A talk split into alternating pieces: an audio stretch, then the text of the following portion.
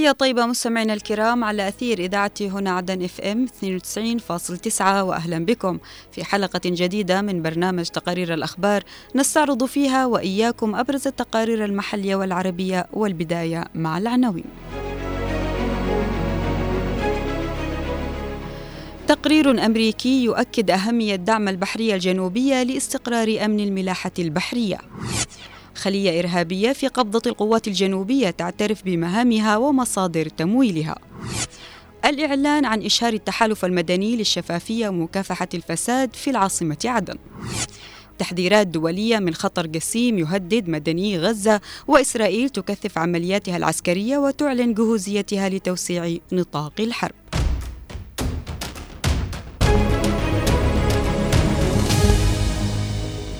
شدد الرئيس القائد عيدروس قاسم الزبيدي رئيس المجلس الانتقالي الجنوبي نائب رئيس مجلس القيادة الرئاسي على أهمية تكثيف الجهود للوصول إلى جاهزية القوات البحرية الجنوبية مجددا ثقته بقدرات وكفاءات القوات البحرية في تنفيذ المهام على أكمل وجه. المزيد من التفاصيل في سياق التقرير التالي. أمعنت الميليشيات الحوثية في استهدافها للملاحة في البحر الأحمر وذلك ما استدعى مواجهتها حتى تكف عن عدائها ذلك. وفيما تؤكد القيادة السياسية الجنوبية ممثلة بالمجلس الانتقالي الجنوبي على ضرورة مواجهتها لهذا العدوان الحوثي إذ أكد الرئيس القائد عيدروس الزبيدي رئيس المجلس الانتقالي الجنوبي نائب رئيس مجلس القيادة الرئاسي قدرات القوات المسلحة الجنوبية في كبح جماح هذا العدوان الحوثي. وقال تقرير أمريكي إن تهديد الحوثيين لأمن الملاحة في البحر الأحمر يؤكد على أهمية دعم المجلس الانتقالي الجنوبي في تعزيز استقرار الأمن البحري نظرا لدوره المهم في مكافحة الإرهاب والتهريب وتأمين ممرات الشحن العالمية. وأشار موقع Responsible Statecraft الأمريكي أن القوات البحرية الجنوبية بحاجة ماسة للدعم الغربي وذلك لتعزيز تعزيز أمن سواحل الجنوب بما فيها مضيق باب المندب وذلك في أعقاب الهجمات الحوثية التي استهدفت السفن التجارية في البحر الأحمر.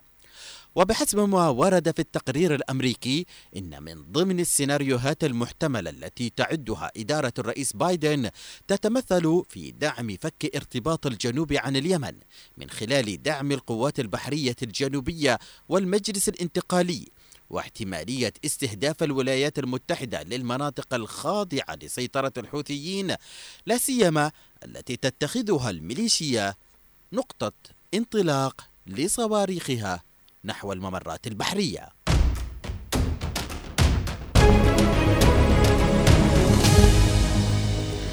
كشفت اعترافات الخلية الإرهابية في أبين عن تلقيها الدعم المالي والعسكري من مأرب اليمنية عبر قيادات عسكرية وأخرى في تنظيم القاعدة. نتابع التفاصيل في التقرير التالي.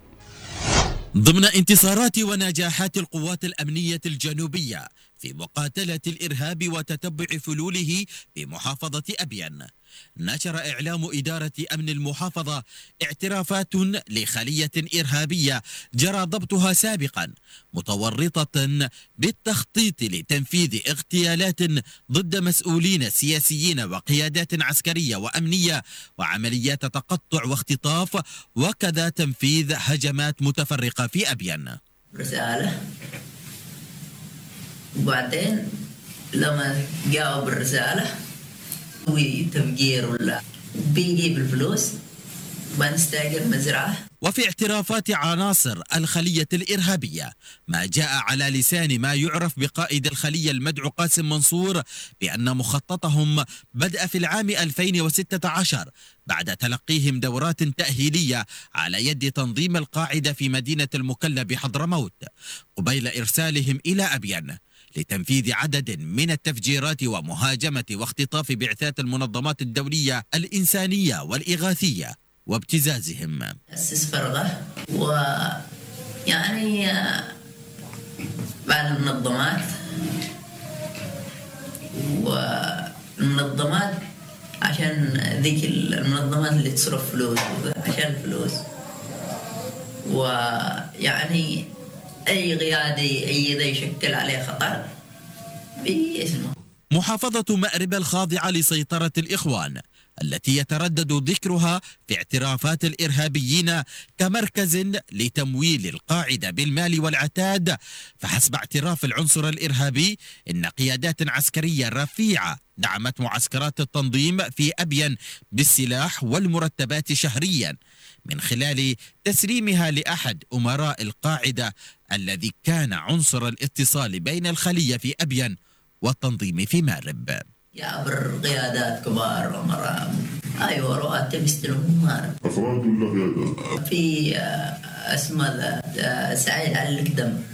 هذا يستلم راتب شهريا. سعيد علي الكتاب الأول. أيوه. هذا برضه عنصر مهم في التنظيم. هذا كان آه، امير شبوة أول. أيوه بيستلم راتبه راتب شهريا من فين يستلم؟ مارب ومن- والأموال كلها تجي والسلاح والذخائر وين؟ مارب سلاحهم كأمل مارب عمليات مكافحة الإرهاب بأهدافها ومكتسباتها المحققة ميدانيا واستخباراتيا تأتي ضمن استراتيجية القوات المسلحة الجنوبية والتوجيهات السياسية للمجلس الانتقالي المعنية بمكافحة واجتثاث التنظيمات الإرهابية وفرض وتثبيت معادلة الأمن والاستقرار في أبين خاصة والجنوب عامة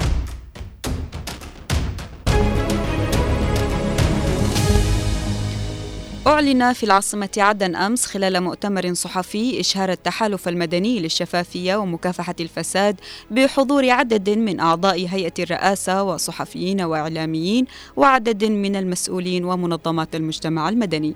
نستمع لبقية التفاصيل في التقرير التالي.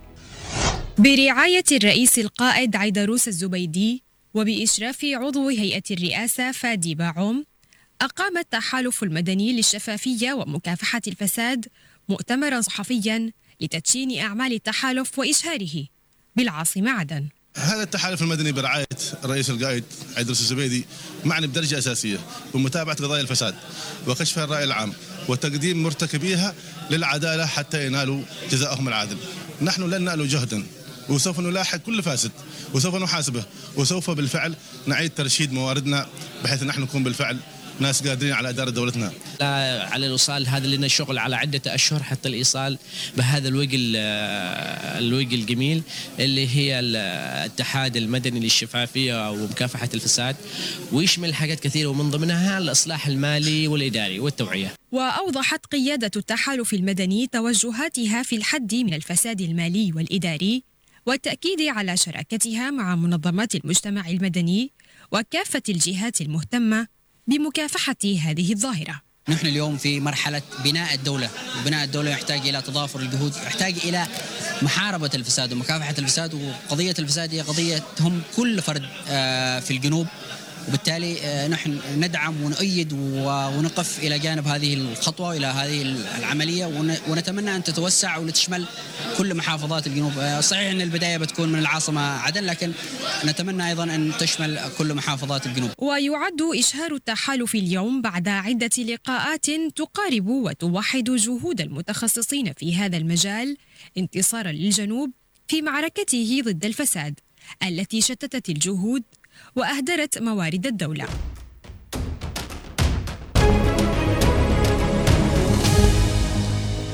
رغم التحذيرات الدولية من خطر جسيم يطال المدنيين في قطاع غزة حيث تجاوزت حصيلة القتلى إلى أكثر من 21 ألف وآلاف الجرحى والمصابين منذ هجوم حركة حماس في السابع من أكتوبر. ولا يزال الجيش الإسرائيلي يكثف عملياته على جميع الجبهات بدءا من غزة والضفة الغربية إلى جنوب لبنان. تفاصيل أوفى في سياق هذا التقرير. أفادت وزارة الصحة الفلسطينية في غزة إن خمسين فلسطينيا استشهدوا وأصيب عشرات آخرين. نتيجة القصف الإسرائيلي صباح يوم الخميس في مناطق بيت لاهية وخان يونس والمغازي. وفجر اليوم اقتحمت القوات الإسرائيلية مناطق في الضفة الغربية. كما أسفرت عمليات للجيش الإسرائيلي في طول كرم بشمال الضفة يوم أمس السابع والعشرين من ديسمبر عن ستة قتلى وعدد من الجرحى بحسب ما أعلنت وزارة الصحة الفلسطينية. في هذا الوقت أكد رئيس الأركان الإسرائيلي مستوى الجاهزية العالي للجيش بما يشمل الجبهة الشمالية ضد حرب الله في لبنان. وأشار المتحدث باسم الجيش الإسرائيلي دانيال هاجاري إلى أن قواته تواصل لليوم الثالث على التوالي شن غارات مكثفة على مخيمات وسط قطاع غزة وتدفع بقوات إضافية إلى خان يونس كبرى مدن جنوب القطاع والتي تشكل محور العمليات البرية الإسرائيلية منذ مدة. وألمح هاجاري كذلك إلى احتمال توسيع القتال على الحدود الشمالية مع لبنان حيث تتبادل إسرائيل وحزب الله القصف بشكل يومي منذ اندلاع الحرب في غزة في أكتوبر. وأعربت مفوضية الأمم المتحدة السامية لحقوق الإنسان يوم الأربعاء عن قلق بالغ حيال قصف القوات الإسرائيلية المتواصل لوسط غزة مؤكدة على كل العمليات العسكرية التي تمثلت في بشكل صارم إلى مبادئ القانون الإنساني الدولي بما في ذلك التمييز والتناسب وأخذ الاحتياطات توازيا تواصلت التحذيرات من الكلفة الباهظة لاستمرار النزاع. بدوره حذر المدير العام لمنظمة الصحة العالمية تيدروس أودنهام يوم أمس من خطر جسيم يواجه سكان غزة البالغ عددهم 2.4 مليون نسمة.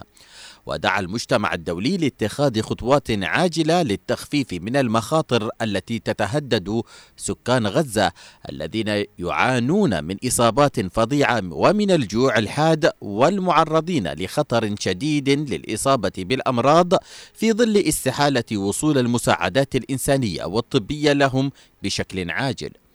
وتؤكد منظمة الصحة العالمية إن 21 من 36 مستشفى في القطاع توقفت عن العمل وإن 1.9 مليون شخص يمثلون 85 في أو 58% من سكان القطاع أرغموا على النزوح من منازلهم بسبب المعارك.